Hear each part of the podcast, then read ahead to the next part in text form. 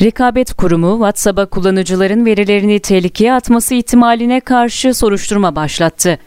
Rekabet Kurumu, WhatsApp'ın kullanıcılarına gizlilik ve güvenlik sözleşmesini güncellemesi sonrası soruşturma başlattığını duyurdu. Kullanıcıların ayrıca gizlilik ve güvenlik sözleşmesini kabul etme zorunluluğunu bir süre durdurmaya karar verdi. WhatsApp son güncellemesiyle birlikte kullanıcılarına ait bilgilerin hangisini alacağı, nasıl işleneceği ve nasıl korunacağına dair muallakta kalan soruları incelemek üzere Rekabet Kurumu'nun aldığı soruşturma kararı kullanıcıların yüzünü güldürdü.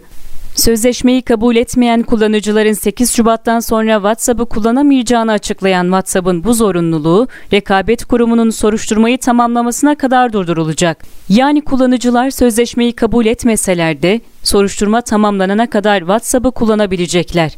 Sözleşmeyi kabul edenlerin ise soruşturma tamamlanana kadar bilgileri paylaşılmayacak. Rekabet Kurumu bu süreçte WhatsApp'tan aldığı bilgilerle uygulamanın yeni sözleşmesini inceleyecek.